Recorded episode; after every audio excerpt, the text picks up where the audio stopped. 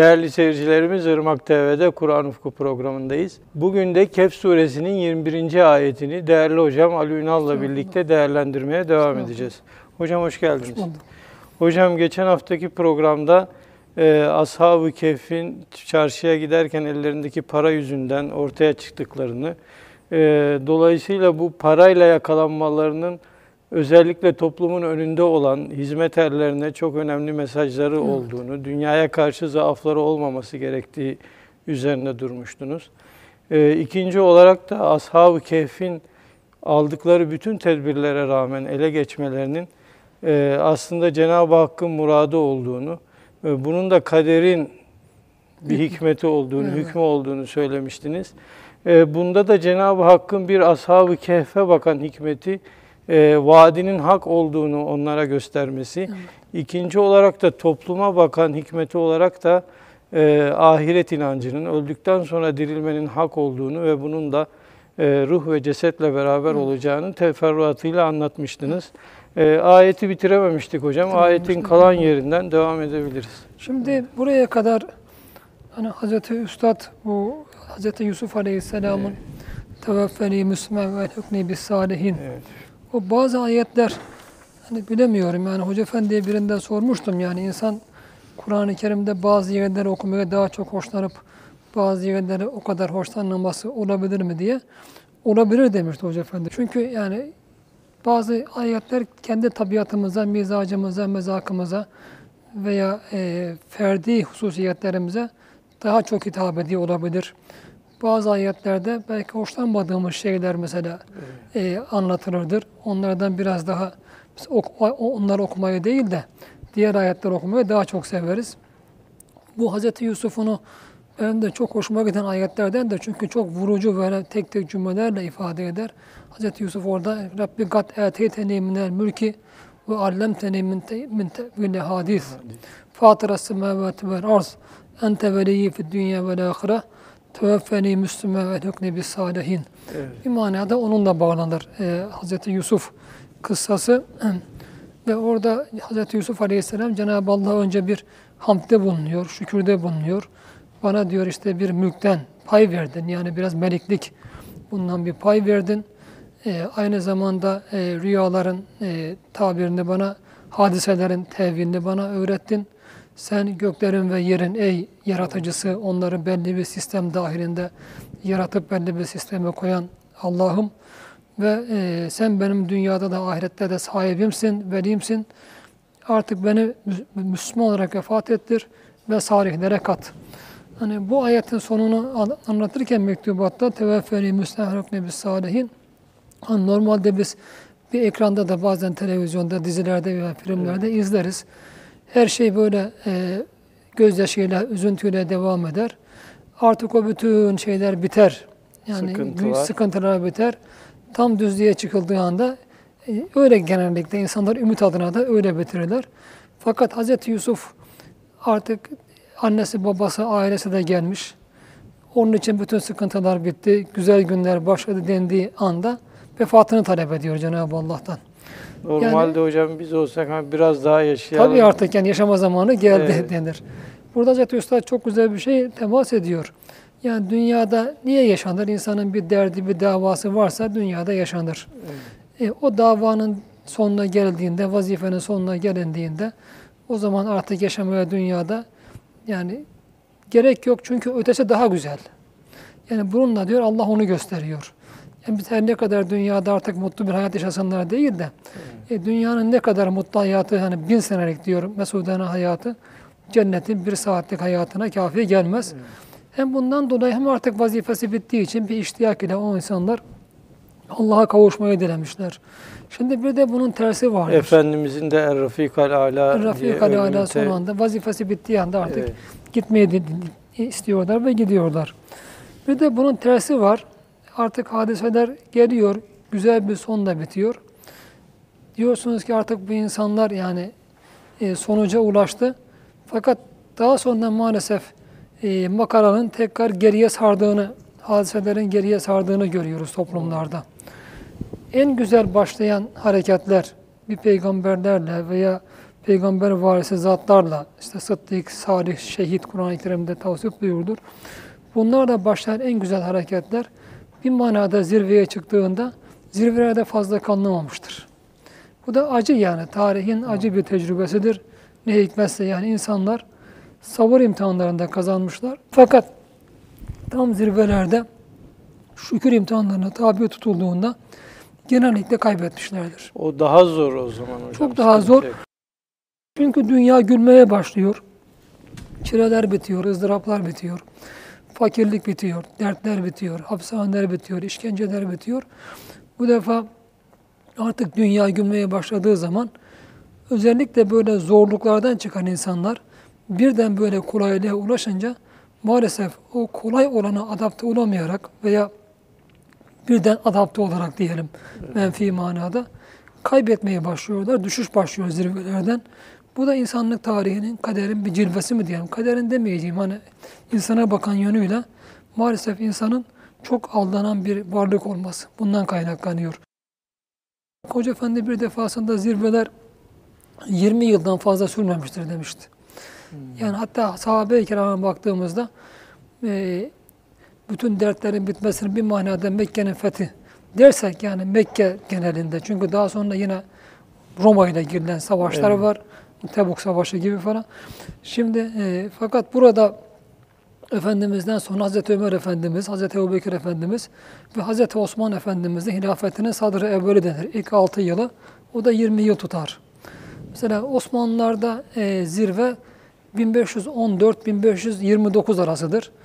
E, Yavuz'un Çaldıran zaferiyle başlayan ve Kanuni'nin 9 senesi Viyana, 1. Viyana kuşatması Osmanlı o koca padişah Hazreti Süleyman Aleyhisselam'ın bir manada bizim tarihimize düşen bir gölgesidir. E, peygamber değil tabi ayrı konu ama benzer misyon görüyoruz. Zaten isim beraberliği var. Melik olma noktasında zirveyi temsil ediyor her ikisi de. Ve o mübarek padişah Viyana önlerinden dönmesi bir manada Osmanlı'nın artık zirveden daha öte gidemeyeceğinin bir göstergesiydi yani. Sonra geriye sayma başlar, yavaş yavaş yavaş yavaş çürüme başlar. Şimdi bu ayetin devamında da öyle enteresan bir ayet ki bu Ashab-ı Keyif kıssasıyla ilgili çok Evet. önemli bir ayet ki bu ayet. İşte yarısını geçen hafta üzerinde durmaya çalışmıştık. Bu kalan yarısında biraz artık hüzün verici bir yanı var. Yani bir 300 sene verilmiş bir mücadele. Geride yani, geride e, arkada. Ashab-ı Keyf'in verdiği o muazzam mücadele, çekilen çileler, katlanılan o kadar ızdıraplar ve bütün bunların neticesinde o Hz. İsa'nın mübarek o dini bir bakıma Roma'da hakim hale gelmiş. Bu çok önemlidir. Bugüne bakan yönüyle çok önemlidir. Yani Roma maddi olarak yenilmez bir güçtü. Fakat o maddi olarak yenilmez güç Roma'yı Hz. İsa'nın arkasında giden insanlar maneviyatları da yenmişlerdir. Hiçbir silah kullanmadan. Evet. Ben bunu bugün adına çok önemli görüyorum. Hz. İsa Aleyhisselam'ın ahir zamanda nüzulünden en önemli manalarından birisi budur. Demek ki ahir zamanda müminler, dinin temsilcileri, dinin tatbikçileri ve tebliğcileri o dönemde yine bir Roma olacak, bir materyalizm olacak aynı şekilde. Onlar buna karşı Kur'an'ın elmas hakikatlarıyla, maneviyatlarıyla karşı koyacaklar o insanlara.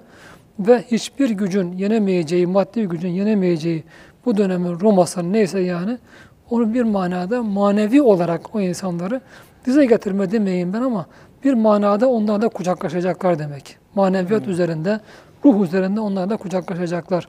Fakat bunun getirdiği işte bundan sonra Kur'an-ı Kerim bunu bize anlatmasının arkasından fakat bu defa artık geriye dönüşü bu ayette geriye dönüşü de görüyoruz. Hocam bu oraya geçmeden yükselmelerine vesile olan yani toplumda artık hakikatlerin ortaya çıkmasına sebep olan aslında e, yakalanmaları, ele geçmeleri demiştiniz. Ya oradan şunu diyebilir miyiz? Çok kısa konuyu dağıtmadan. Hani sizin şer zannettiğiniz hayırdır. İşte o böyle evet, bir hayır. noktasında hayır zannettiğimiz şer, şer zannettiğimiz hayır. Evet, Allah'ın önemli olan bizim yolumuzun doğru olması, istikamet Evet. önemlidir. İstikamet en büyük keramet denmiştir. Onun için en önemli meselemiz istikamet olduğundan Cenab-ı Allah Fatiha suresinde 40 defa günde Hanefiler olarak biz Hanefileri, Şafilerde, Maliki, Hanbelilerde, sünnetler ne kadar bilemiyorum ben. Onun için hani 40 rekat diyorum. 40 defa bize Fatiha okutarak İhtina sıratal müstakim duası yaptırıyor.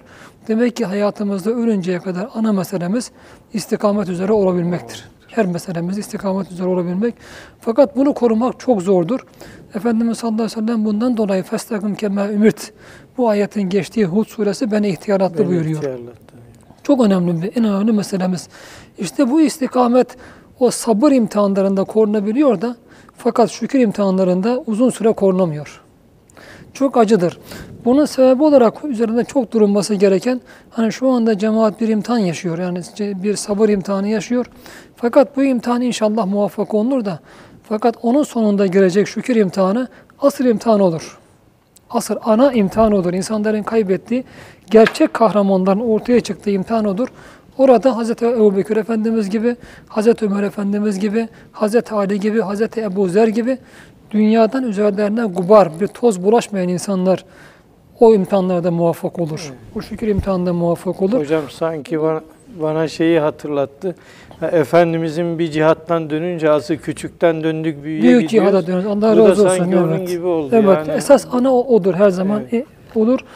Zaten bunu ben yine çok dikkatimi çeken ayetlerdendir Kur'an-ı Kerim'de. Yani manasını biliyorum da fakat aslıyla da okumak istiyorum Araf suresinde. Bu anda e, hizmet-i imaniye ve Kur'aniye'deki kardeşlerimizin de bence esas en büyük imtihanları olacak. Yani hepimizin en büyük imtihanı olacak bu. E, çok enteresandır bakın bu ayet-i kerime. Bugüne bakan, her zamana bakan ama biraz da bugüne bakan yönü itibariyle son derece önemli. Bakın buyuruyor ki Cenab-ı Allah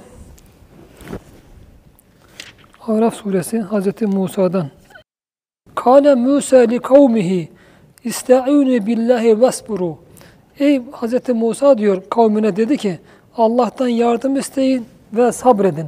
Bu yardımın nerede isteneceğini de e, bir başka ayet-i kerimede Bakara suresinde ve bis sabri sabri ve salah. Yani sabır ve salatla Allah'tan yardım isteyin. Burada salatı zikretmiyor. Onun karşılığında ayrıca yani bunu ayrı zikrediyor Hz. Musa Aleyhisselam. Bir de sabredin.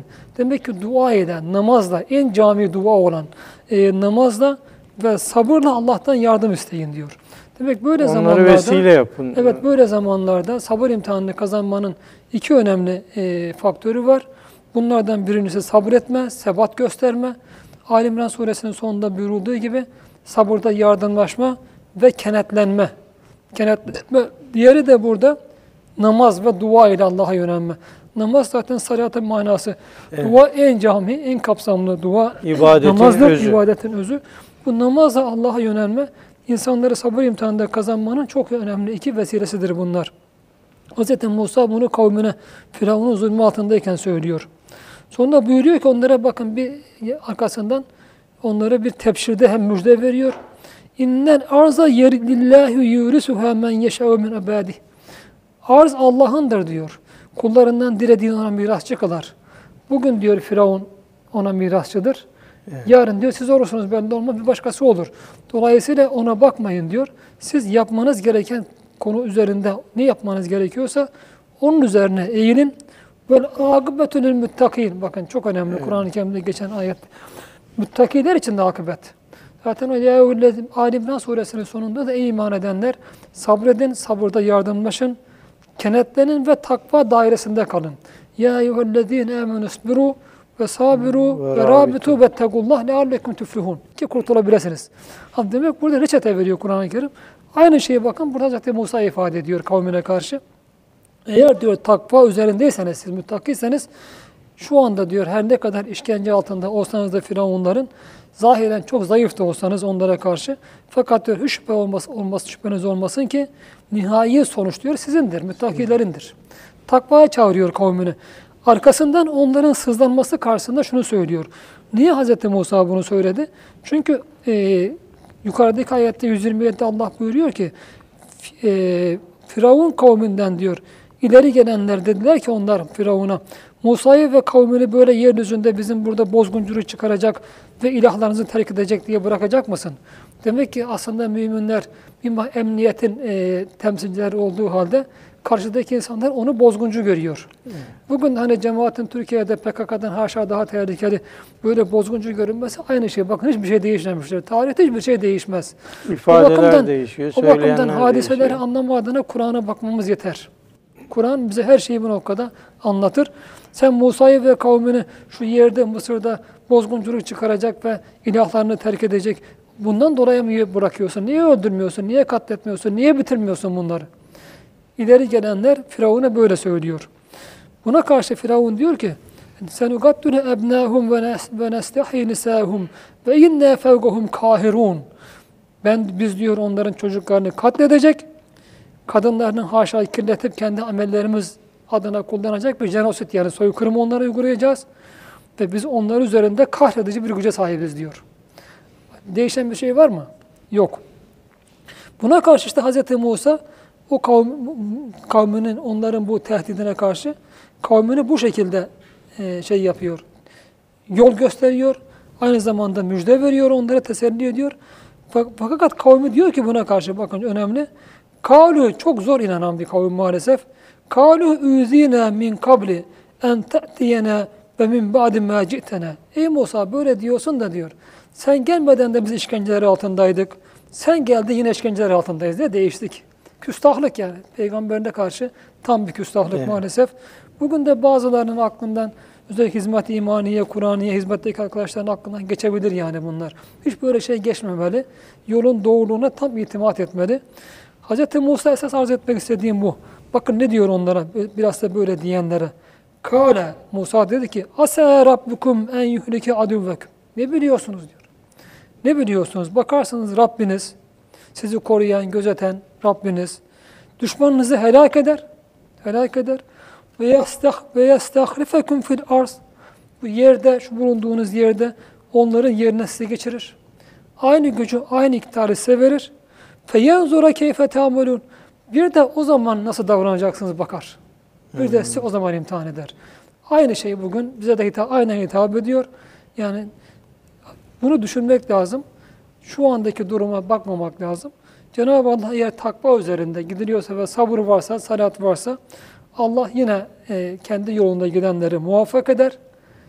Öncekilerin yerinde onlara istihlaf eder. Bir de ondan sonra nasıl davranacak öyle bakar.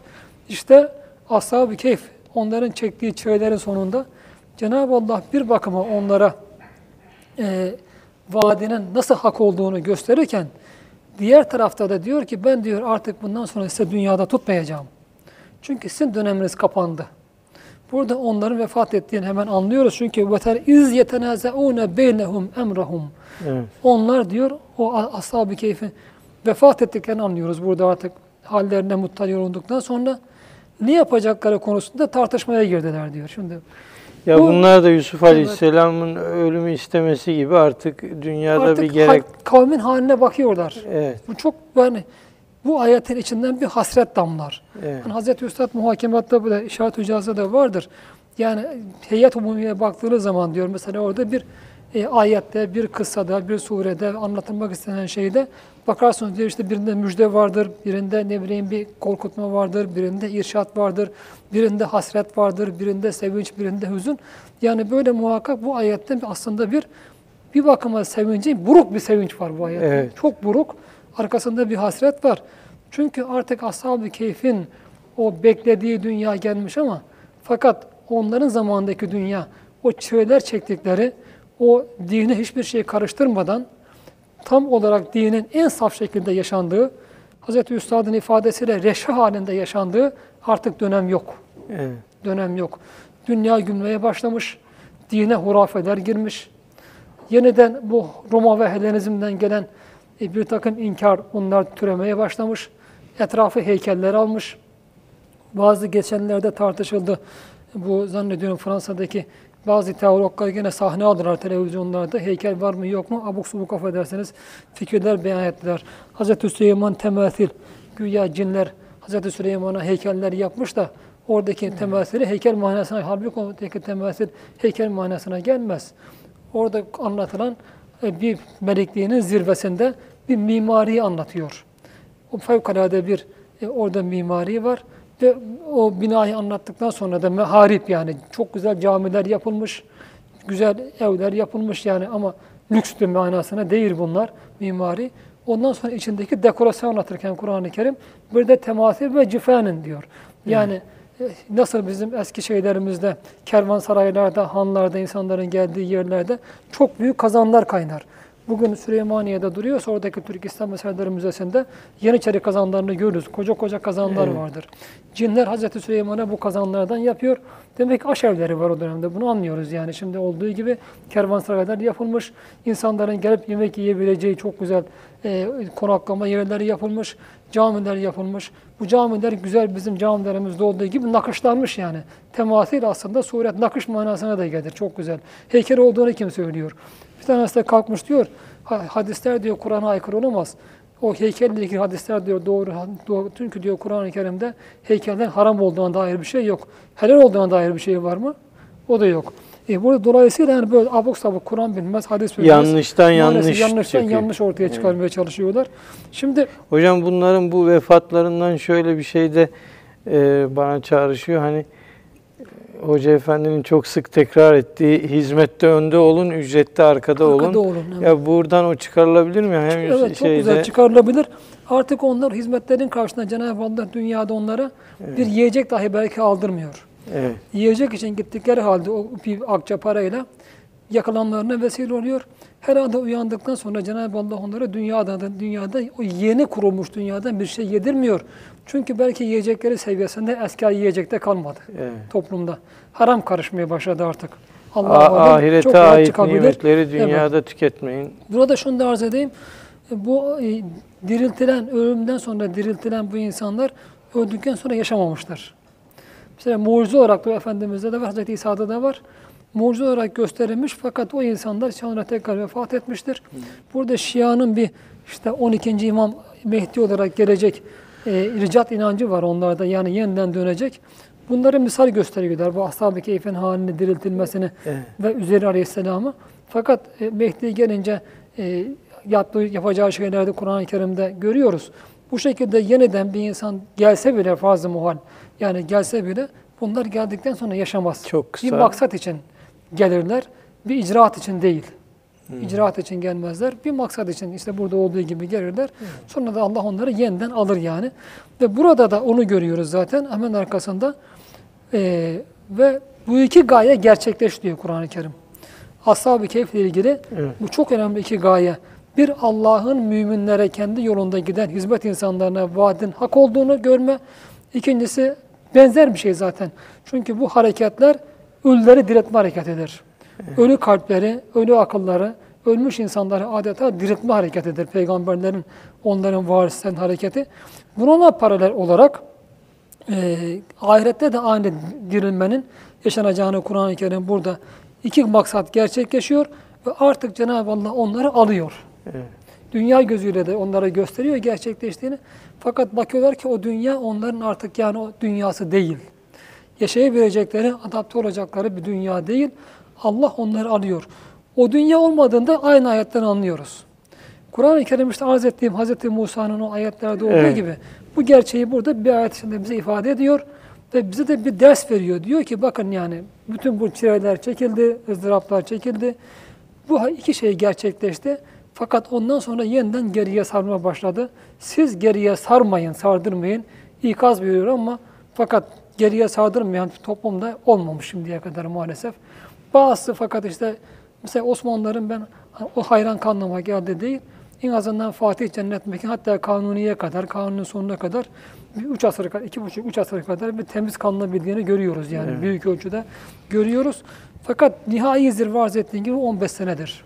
Nihai Hocam. zirve 15 senedir. Orada da ben yine bir dua hatırlıyorum. Hani Ya Rabbi bana o ikbal günlerini gösterme. Demek ki çok riskli, tehlikeli hepimiz Evet adına. bazıları kendimizden bilebiliriz. Evet. O Turgut'ta Allah e, ebeden rahmetine gark etsin. E, o Gündüz Alp Koleji'nin fakir orada 5 yıl öğretmenlik yapmıştım açıldıktan sonra. Oraya yaptırmada öne yakalan kardeşimiz, hocamız e, o da öyle dua ediyor. Ya Rabbi beni bu okulun açılışını gösterme diyor. Evet. Gurur gelebilir ben e, katkım olmuştu diye. Okulun açılacağı günlerde trafik kazasında okulun ön tarafındaki yolda hocamız vefat ediyor. Evet. Şimdi Allah rahmet eylesin inşallah. İşte burada da bu manada Kur'an-ı Kerim'de bu hatırlatma var. Onlar hakkında tartışmaya durdular diyor. Yani Kur'an-ı Kerim. Evet. İz yetenazaune beynehum emrahum. O, o hallerine vakıf olan, gören insanlar bu defa tartışmaya durdular. Onda niye, niye tartışmaya durdular? Fekalu dediler bir grup. Fekalibnu aleyhim bünyane. Onların üzerine bir bina yapın. Yani bir anıt dikin. Orada toplumun nasıl bir iki grubun ortaya çıktığını burada anlıyoruz toplumda. Evet. Nasıl bir geriye doğru sarmanın olduğunu çok rahat bir şekilde anlıyoruz. Onların üzerine bir anıt dikin dediler. Bünyan yani. Hatıralarına bir anıt dikin onların. E, Bunun daha ziyade nerede gördünüz biz bu anıtları? Anıt deyince aklımıza Roma kültürü, eski Yunan kültürü gelir. Yani o dönemde işte bu hem o, o cemaatte, toplumda e, itikat, yani ahiret inancından şüphelenmenin altında bu yendikleri, mağlup ettikleri putperestliğin Roma ve Hellenist, eski Hellenizm kültürünün yeniden dirilmeye başladığını görüyoruz. Küllerinden dirilmeye başladığını görüyoruz. Kur'an-ı Kerim burada bize dikkat çekiyor. Aman diyor o putperestlik veya yendiğiniz, mağlup ettiğiniz ve o e, şirk diyor yeniden ortaya çıkabilir. Yeniden ortaya çıkabilir. Her zaman çünkü olmuştur. Hazreti Adem'le beraber tevhidle başlamış insanlık hayatı. Fakat sonra şirk olmuş. Bir peygamber gelmiş, yeniden tevhide döndürmüş. Yeniden şirke sap olmuş. Peygamber gelmiş, yeniden bir restorasyon yapmış. Yeniden şirke sap olmuş. Hep böyle gelmiştir. Maalesef tarih bu şekilde gelmiştir. Aynı tarihin burada da tekrarlandığını çok rahat bir şekilde görüyoruz. Buna sebep ne? Bunu da müsaadenle arz etmek istiyorum hocam. Ondan sonra araya geçelim. Evet, buna sebep ne? Bu da Kur'an-ı Kerim'de değişik ayetlerde şöyle beyan buyurulur. Mesela bir ayette şöyle beyan buyurulur. Ali İmran suresinde bir iki yerde geçer. ve mahtelefellezine utul kitabe illa min ba'di ma ca'ahum bagyan beynehum. Kendilerine ilim geldikten sonra bütün önceki kitap verilen cemaatler, o mübarek cemaatler ancak aralarındaki bağ sebebiyle ihtilafa düştüler. Demek bu sapmanın başlangıcında ihtilaf var. İhtilafın sebebi nedir? Bağ. Evet. Bağ demek bir insanın kendi payına düşene razı olmayıp başkalarının hakkına kıskançlıkla tecavüz etmesi demektir. Yani ne olur hani bugün mesela içinde hizmet imaniye, Kur'an'ı nazara verirsek ilk önde ve sebugunun evvelün vardır. İlk önce Cenab-ı Allah'ın ona omuz vermeyi nasip buyurduğu, şereflendirdiği büyük abiler, ilk insanlar vardı. Sahabede olduğu gibi her dönemde yani. Bunlar sebukun evvelundur. İlkler yani bunlar. Şimdi fakat daha sonra diyelim samimiyette bu kadar olmasa da kabiliyette onları geçen insanlar her zaman olacaktır. E, bu yeni kurulan sistemde kabiliyetlere göre taksim yaparken bazı insanlar biz önceydik. Biz hizmette önceydik. Benim şu kadar şeyim geçti hizmete. E, fakat geldi işte tıfıl 25-30 yaşında 5-10 sene önce hizmete girmiş bir insan geldi benim başıma idareci oldu. Mesela. Böyle derse veya işte bazılarına diyelim hani dünyada bazı makamlara gelirken diğerleri onların makamını kendisine layık görüp göz dikerse işte veya Kur'an-ı Kerim'de buyurulduğu gibi dünyanın gülmesi karşısında innemel hayatü dünya lehvun ve lahvun ve lehvun ve tefâhurun ve tekâsürün fil envel ve evlat diyor Kur'an-ı Kerim. Yani dünya hayatı oyundur, eğlencedir, mal ve evlat çoğaltma, bir de bunlarla övülmedir yani. E, bunun gibi insanlar bu defa dünyaya yönelirse, işte bunlar karşılıklı haklarda maalesef tecavüzü getiriyor. Bugün Türkiye'de çok açık yaşadığımız gibi yolsuzluklar, hırsızlıklar bunlarla insanlar diğerlerini geçmeye çalışıyor. Veya işte aile devreye giriyor. Baba işte başkasının var sen ondan daha öndeydin. Bizim ne kadar yok. Başkasının üç tane taksi, evde herkesin taksi var. Bize neden bir tane yok veya evlatlar her birimizin neden yok. Ondan sonra işte başkalarının şöyle köşkleri, villaları var. Bizim daha iki tane bile olmadı. Şimdi bunun gibi yani bütün bunlar da kavga başlıyor. İşte bağı, bir defa tecavüzler başlıyor. Bu da ihtilaf ve tefrikalara yol açıyor. Bağıya sebep nedir? İşte bu da Kur'an-ı Kerim başka bir ayet. Yani böyle olmaya sebep nedir? Bu tecavüze sebep ne? Bu da başka bir ayette buyuruyor Kur'an-ı Kerim. فَخَلَفٌ خَلَفَ مِنْ بَعْدِهِمْ خَلْفٌ اَزَاءُ الصَّلَاةَ وَاتَّبَهُ الشَّهَوَاتِ işte o ilk çok güzel cemaat, tertemiz cemaatten sonra öyle nesiller onların yerini aldı ki bunlar diyor Cenab-ı Allah namaz zayi ettiler ve şehvetlerine uydular. Miras yedi. Ha, demek ki namazı zayi etmeden başlıyor her şey. Ya namaz zayi etme nedir? Allah'la münasebet zayıflıyor. Allah'la münasebetin zayıfladığı anda insanlar bu defa o münasebetin yerine şehvetler almaya başlıyor. Bu şehvetler daha önce zikredilmişti. Kur'an-ı Kerim Ali İmran suresinde Züyne linnâsu bu şehvâti minen nisâi vel benîne vel kanâtiril mukantarati minel zehvi vel fizzati vel hayr müsevvemeti vel anam vel hars. Sayıyor Kur'an-ı Kerim. Kadınlar, evlat, biriktirilmiş paralar, altın, gümüş, ziynet eşyaları. Sonra efendim sarma güzel atlar, arabalar, çok güzel arabalar, eşya. Ondan sonra kazanç, gelir insanların. Demek ki bütün mevkiler, makamlar. Bunları Kur'an-ı Kerim şehvetler diyor. Demek ki namazı zayi edince insanlar Allah'la münasebetleri de boşluğa düşünce bu defa o boşluğun yerini işte bu şehvetler doldurmaya başlıyor. Bunlar insanda hükmedince de bu defa bunlar arası üzerinde çatışma başlıyor. O çatışma işte bağ dediğimiz şey bağı getiriyor, tecavüzleri getiriyor haklara. Bu ihtilafı getiriyor, bu da çöküşü getiriyor. Evet hocam çok şey getiriyor. aradan sonra ona devam edelim. Benim anladığım e, bu ihtilaflara düşülmemesi biraz halefin selefe saygılı olması, e, selefin de turnikeye önce girmiş olmanın hakkını aramaması. Aram, fakat işte bunu iten, yani o selefin turnikeye girmenin hakkını aramaya iten, halefi selefe saygısızlığı iten de namazı zayi etmekte Namazı başlıyor. zayi etmek. Her şey gelip orada düğümleniyor. Namaz zayi etmekte başlıyor. Sabır döneminde kazanmanın birinci vasfı namaz ve stavune bir sabri ve salah. Namaz Allah'la münasebet ve sabırla beraber Hz. Musa'da hani De- e, okuduk ayeti kerimede ve bu defa geri çöküşte yine namaz zayi etmekle başlıyor. Kılınabilir. Herkes namaz kılıyor olabilir. Fakat namaz ikame edilmiyor. İkame edildi. Gerektiği gibi kılınmıyor artık. Bir şekle inhisar ediyor. O dünyayı kaybettirdiği gibi ahireti de Ahiret Allah kaybettirecek. Allah kaybettirme noktasına getiriyor Evet. insanları. Hocam aradan sonra devam edelim. Değerli seyircilerimiz tekrar beraber olacağız.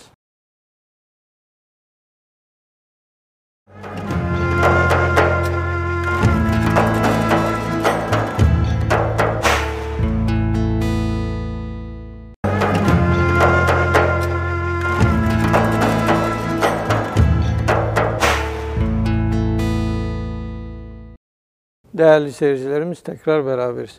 Hocam aradan önce toplumdaki dirilişin arkasından tekrar bir çöküşün başlama emareleri gözüktüğünü anlatıyordunuz. Oradan devam Evet. edebiliriz.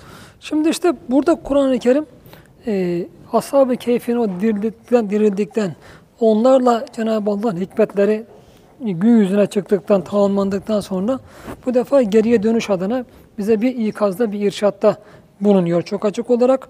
Ve işte ashab-ı keyfe nasıl davranacağız, ne yapacağız derken toplumun aldığı tavır konusunda o toplumda iki tane grubun öne çıktığını burada görüyoruz. İşte bunlardan birisi diyor ki bu ashab-ı keyfe bir anıt yapalım diyor üzerlerine bunların.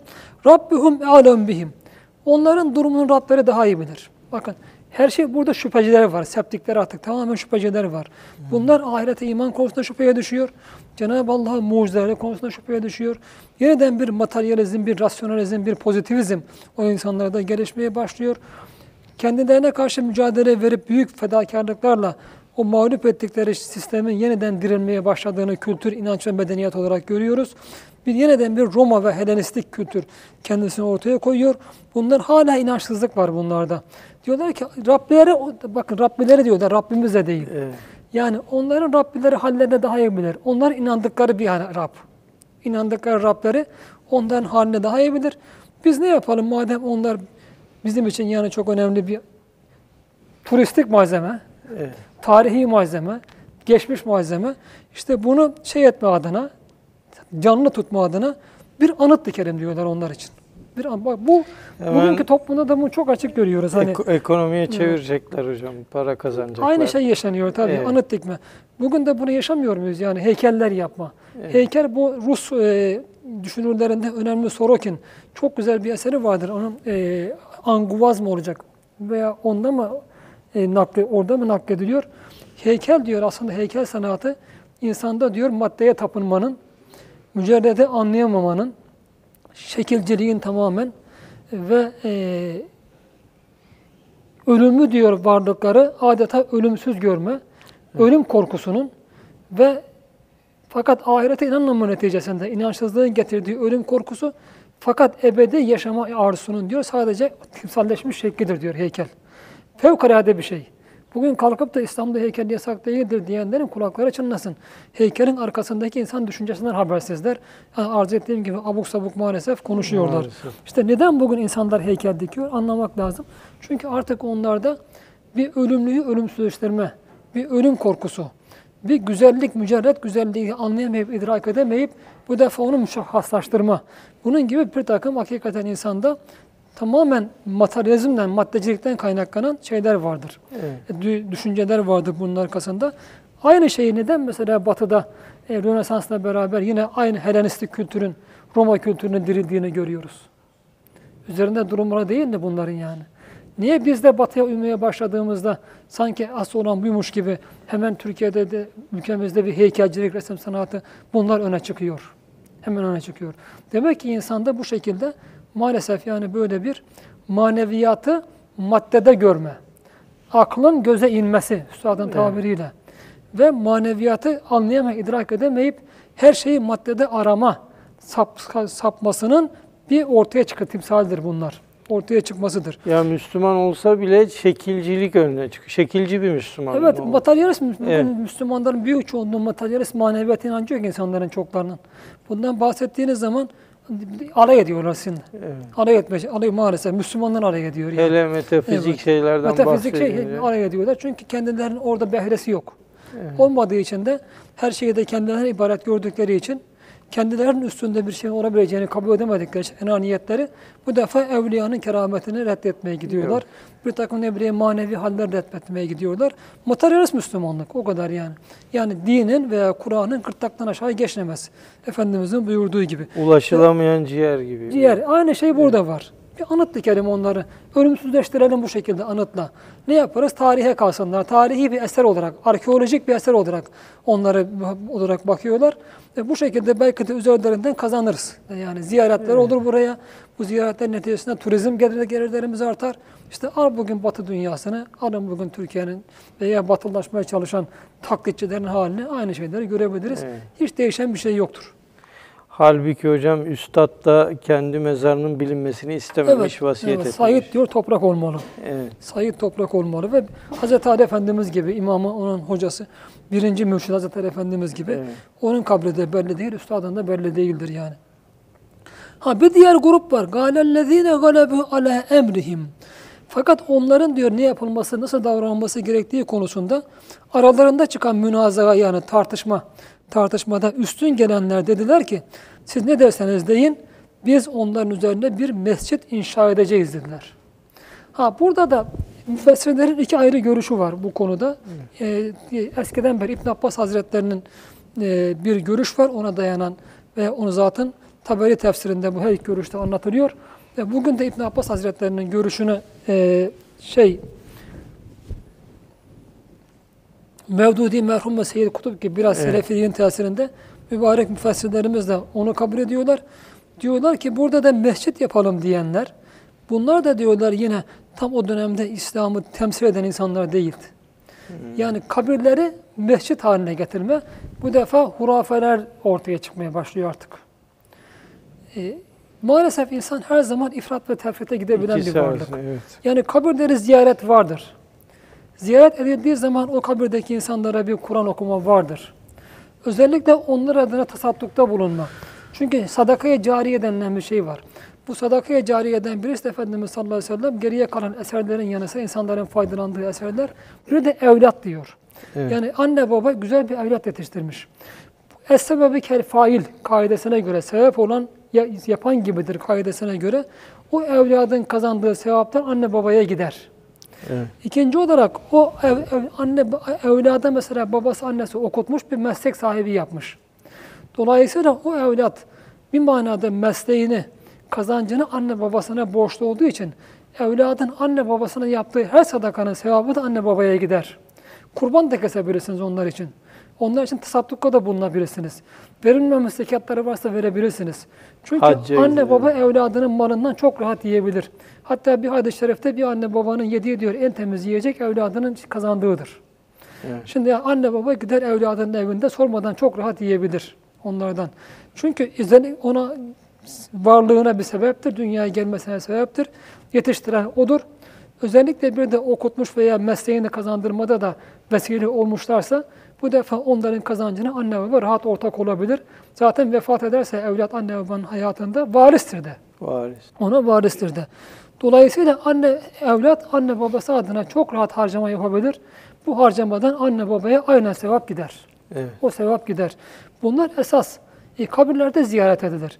Fakat işte bunun bir de ma- zamanla maalesef insanlar aşırıya gidiyor. Nereye gidiyor? Mesela bizim köyün yakınında birkaç kilometre yakınında bir dede var. Yani bizim tarihimizde Evet. mübarek dedeler, babalar, dede var. Ben yazın gittiğimde köye ziyaret ederim genellikle yani kendisini ziyarete giderim. Büyüklerimiz her gittiğimde yanında ağaca mutlaka her tarafına çaput bez bağlanmıştır bağlı. bez bağlanmıştır. Yani maalesef bu hurafelerin de bir yanda diyelim bu putperestlik emareleri ortaya çıkarken bir tarafta da putperestliğe gidebilecek bir takım böyle uygulama hurafeler ortaya çıkabiliyor. İşte burada mescit yapacağız onlara diyenleri Hz. Mevdudi ve Seyyid Kutup merhum büyük şehit İbn Abbas Hazretleri de aynı görüşte. O da aynı görüşte. Bunlar diyor o kabirleri mescit edinenler. Mescit edinenler kabirleri. Hocam ben aslında burayı okurken hep şu aklıma geliyor.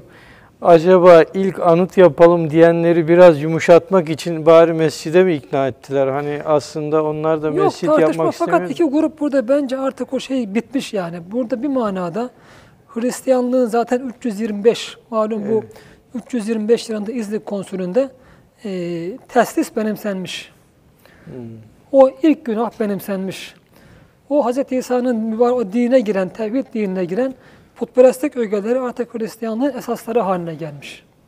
Din esasları haline gelmiş. Bu Ashab-ı Keyf'in dirilişi de bundan eğer doğruysa mesela arz ettiğim o kitaplarda Evet. yazılan 100 sene kadar sonra. İmparator Justinianus döneminde. E, milattan e, sonra 417'ye falan geliyor. Neredeyse bir asır geçmiş İznik konsülünde. Artık demek ki onların o saf inançları kaybolmuş. Kaybolmuş. Belki o inançları benimseyen çok az sayıda muvahhidler var Hristiyan dünyada. Mesela bir Arius vardır çok önemli. Muvahhid onun peşinden gidenler var. Efendimizin siyere baktığımız zaman mesela bir Varaka bin Nevfel var Mekke'de. Muvahhid. Evet. Efendimiz sallallahu aleyhi ve sellem'in o Suriye seyahatinde Rahip Bahira var muvahhid. Yani belli aralık yerlerde o tevhid inancını hala devam ettiren mübarek insanlar çok var. Habeşistan'daki Necaşi gibi. Doğu Hristiyanlığı içinde Evet. var. Fakat Roma içinde artık o batı Roma'ya batıya yayılmış Hristiyanlık içinde muahit çok az kalmış. Burada iki grubun ortaya çıktığını buradan anlıyoruz. Bir tarafta yeniden bir putperestliğe dönüş var. Yeniden bir Roma ve Helenistik döneme dönüş var.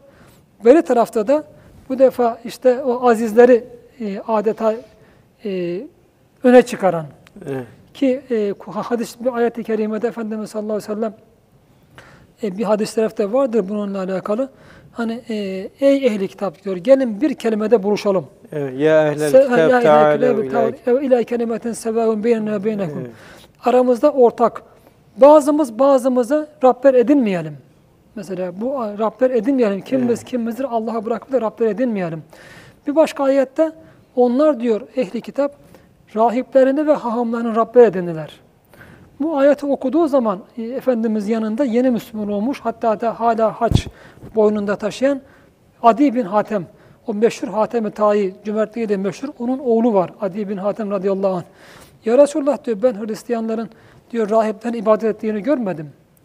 Efendimiz buyuruyor ki onlar diyor onların haram dediğine haram, helal dediğine helaldir. İşte bu onların ibadet etmesidir onlara. Aa. Demek ki Allah'ın haram dediğine bir başkası haram diyor. Bu en büyük bir alim de olabilir. Helal dediğine helal diyor. Diğerleri de Allah'ın kitabına rağmen bunu kabul ediyorsa bu ona ibadet manasına, onu Rab etmem, Rab kılma manasına gelir. Rubiyatte şirktir bu. Rab kılma manasına gelir. İşte bu artık adeta azizlere tapınma diyebileceğimiz bunlar ortaya çıkmış. Yani burada azizlerin e, kabirler, azizleri putlaştırmama, onları e, fikirlerini, düşüncelerini Allah'ın kitabının önüne geçirmeme, onları birer vesile vardır yani Kur'an-ı Kerim'de. Bunu da bazıları reddediyor. Yani Cenab-ı Allah onların dualarına insanlardan dua bekleyebiliriz. İstiğfar bekleyebiliriz. Peygamberlerden ve sevdiğimiz büyük insanlardan, velilerden. Çünkü Kur'an-ı Kerim'de bu konuda çok açık. Mesela Peygamber Efendimiz hakkında eğer diyor onlar mesela Medine'deki münafıklar bilhassa bir hata günah işleyip sana geldiklerinde sen de onlar için istiğfar etsen, evet. senden istiğfar isteyip kendi atlarına günahların affedilmesini talep edip sen de onlar adına Allah'a istiğfarda bulunsan, onların günahlarının affı için Allah'a yalvarsan, Allah'ı diyor çok gafur ve rahim bulurlardı. Yani demek ki Efendimizin bizim adımıza istiğfarı veya bir mübarek zatın, veli bir zatın bizim adımıza istiğfarı belki bizim Allah'a istiğfarımızdan daha fazla kabule şayan olur. Çünkü bir defa o da, onun da bizden razı olduğunu gösterir bu. Demek ki fakat burada bir defa o zatı kabullenmek, Allah makamının yanındaki makamını, mevkiini kabullenmek, itimat da bu istiğfarı istersek, onlar da adımızı istiğfar ederse Cenab-ı Allah diyor gafur ve rahim bulacaklardı. Evet. Affeder de diyor Allah. Onların bizim hakkımızdaki duası, bizimle ilgili istiğfarı, bizim duamızdan, bizim istiğfarımızdan çok daha kabule şayan olabilir. Bunlar Kur'an'da çok açık olarak var. Çok Hocam, açık olarak dü- var. dünyada bile yani şahsi bir şey yaparken mesela e, yine mevzuyu biraz şey yapacağım ama e, bir kız isteyeceksiniz. Onun en yakın tanıdığını Tanıdığını, biliyorsanız onunla evet. gitmek istersiniz. Evet, tabii Allah'a yakınlığı Evet. nispetinde tabii onların daha makbul olur diye araya konur bunlar yani vesile olarak bunlar Evet. itiraz edilebilir. Zaten Kur'an-ı Kerim'de Allah'a diyor vesileler ed- edinin. Yani buna hiçbir kimse itiraz edemez. Kur'an-ı Kerim'de de çok açık. Hazreti Üstad da velilerin diyor e, diğer insanlar üzerindeki tasarrufu fiili duadır. Fiili dua reddedilmez. Mesela bir e, çiftçinin tarlayı sürüp tohum ekmesi fiili duadır. Evet. Bunlar genellikle kabul görür. Demek ki veli Evliyaullah'ın veya büyük zatların, peygamberlerin ümmetleri veya müritleri, takipçileriyle ilgili duaları, istiğfarları Cenab-ı Allah'ın kabulüne inşallah mazhardır. Kur'an-ı Kerim'de açık ayet var. Fakat bunları sebep ve vesile olmaktan aktif, yaratıcı olmaya çıkarma bu çok tehlikeli. Bu şirk olur. Peygamber de olsa Allah'ın kuludur. Yaratan Allah'tır daima. Kabul eden O'dur, affeden O'dur, mağfiret buyuran O'dur. Her şeyi veren O'dur. Fakat diğerleri sadece bir vesiledir.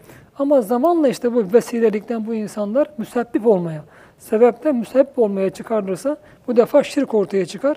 Bu da tarihte her zaman görülmüştür. Evet. Burada ifrat ve terfire gitmemek lazım. Maalesef zamanla diyelim özellikle İslam tarihinde bilhassa halk arasında, avam halk arasında ve bazı tarikatlarda bu tür e, mürşitleri, büyük zatları sebepten müsebbipliğe çıkarma gibi şeyler o yaşanıyor, yaşanmış. Hristiyanlıkta azizlere böyle rütbeler maalesef verilmiş. Veya bugün Katoliklikte Papa hala mesela şey kabul edilir. Papa seçildiği anda masum ruhu kudüs girer ve tamamen masum kabul edilir. Şimdi bunun gibi yani o ne derse o doğru kabul edilir. Bu noktaya getirmemek kaydıyla bunlar vesile olarak kabul edilebilir.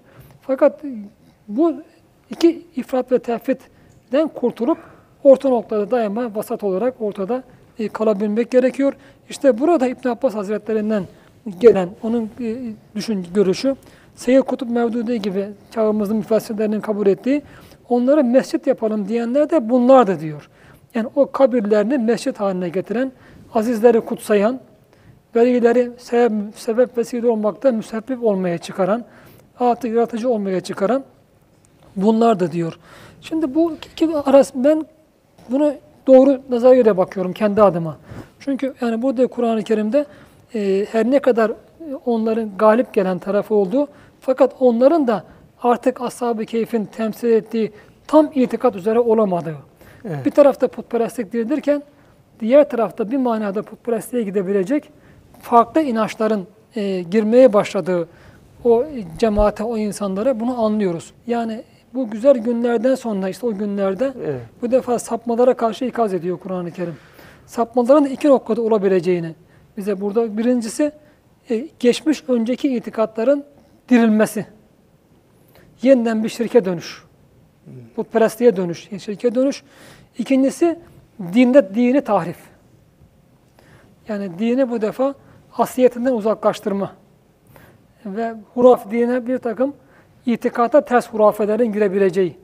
Bu iki konuda bizi ikaz buyuruyor Kur'an-ı Kerim.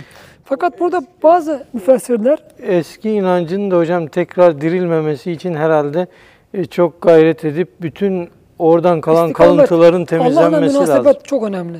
Allah'la Evet. münasebet çok önemli.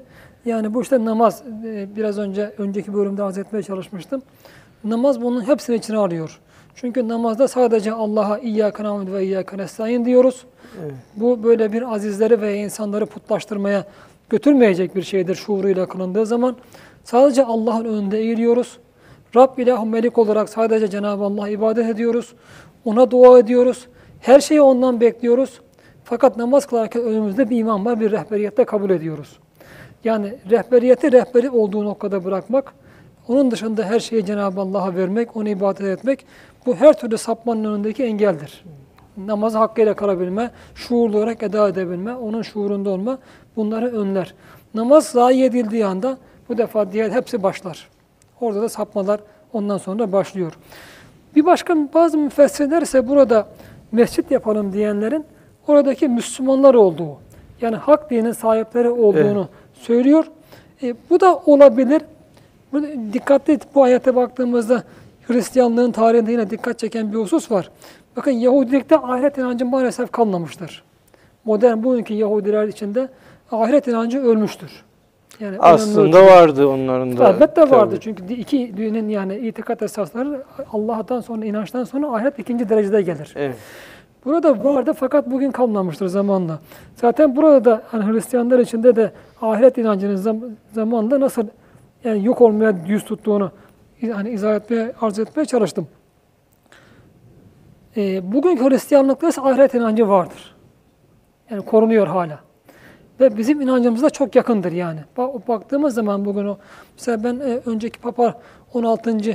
E, Louis o Hoca, Hoca Efendi'nin görüştüğü Papa, onun kitabı vardı.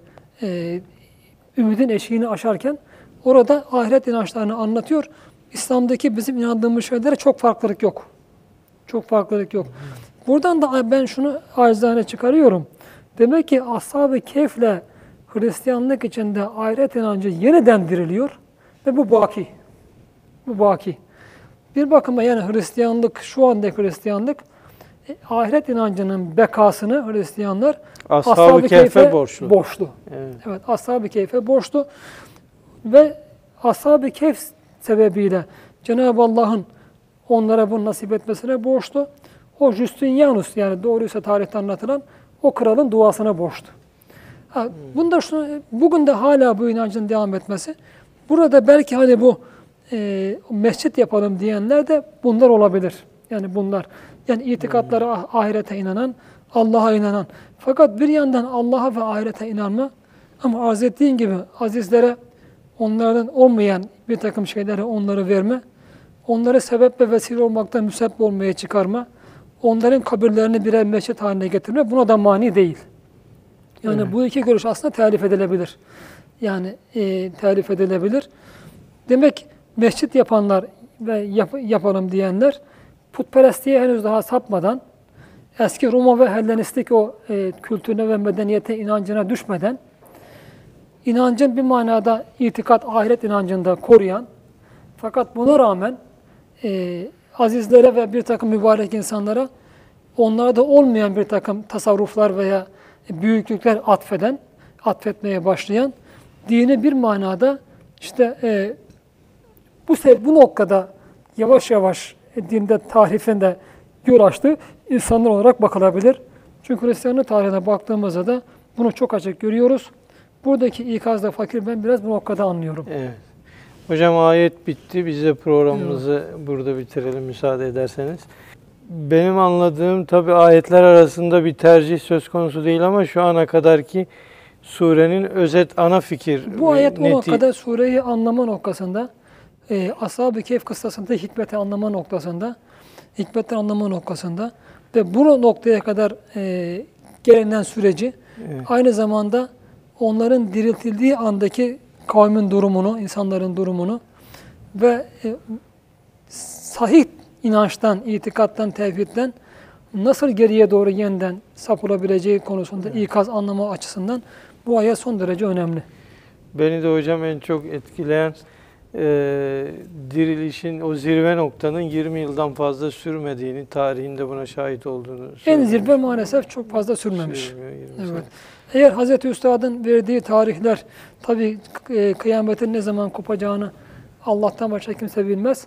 Ama nasıl e, o gayb, Kur'an-ı Kerim'de geçen e, beş gayb vardır yani Evet. mutlak gayb.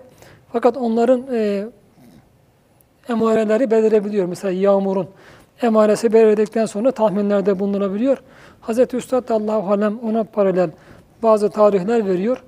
O tarihlere baktığımızda inşallah İslam'ın ahir zamandaki çok nihai bir muzafferiyet olacak dünya çapında. İnşallah. Fakat bu da 20 sene kadar Allahu Alem sürecek ama o 20 sene güzellik olarak, yoğunluk olarak belki önceki asırların diyelim 5-10 asrının yerine geçebilir. İnş- Yoğunluk olarak. İnşallah bu da güzel bir müjde Evet. oldu hocam. Bununla bitirelim. Değerli seyircilerimiz önümüzdeki hafta görüşmek üzere. Hoşçakalın.